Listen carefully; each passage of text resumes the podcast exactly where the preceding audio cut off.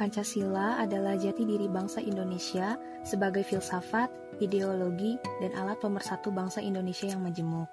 Begitu besar pengaruh Pancasila terhadap bangsa dan negara Indonesia.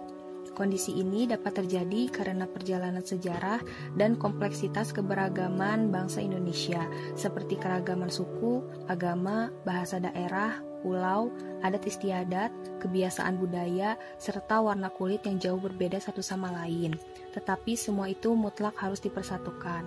Begitu banyak permasalahan yang sedang bangsa kita hadapi, mulai dari yang sepele sampai ke persoalan yang vital.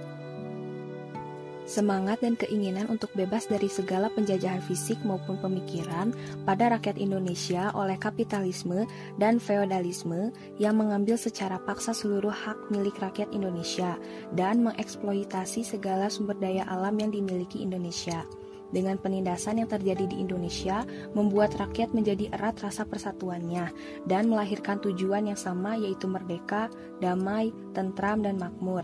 Maka lahirlah sebuah ideologi negara Indonesia yang mencakup segala aspek kehidupan dan sebagai pedoman bangsa Indonesia yang disebut Pancasila. Memahami urgensi Pancasila sebagai dasar negara bisa menggunakan dua pendekatan, yaitu pendekatan institusional dan pendekatan sumber daya manusia.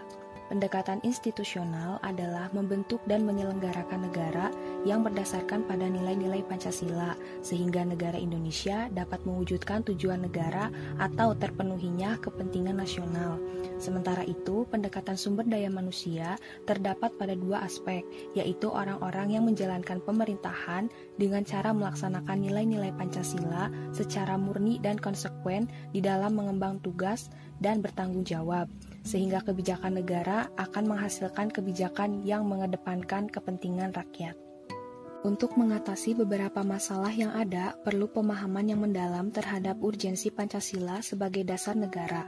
Dalam pemahaman tersebut, ada tahap implementasi, yaitu tahap yang selalu memperhatikan prinsip-prinsip, antara lain transparan, akuntabel, dan fairness, sehingga akan terhindar dari KKN, yakni korupsi, kolusi, dan nepotisme dan warga negara yang berkiprah dalam bidang bisnis harus menjadikan Pancasila sebagai sumber nilai-nilai etika bisnis yang menghindarkan warga negara melakukan free fight liberalism, tidak terjadi monopoli dan monopsoni, serta warga negara yang bergerak dalam bidang organisasi kemasyarakatan dan bidang politik maka Indonesia akan mencapai tujuan yang dicita-citakan seperti yang diharapkan pejuang-pejuang pada masa lalu jika rakyat Indonesia menerapkan nilai-nilai yang terkandung dalam Pancasila.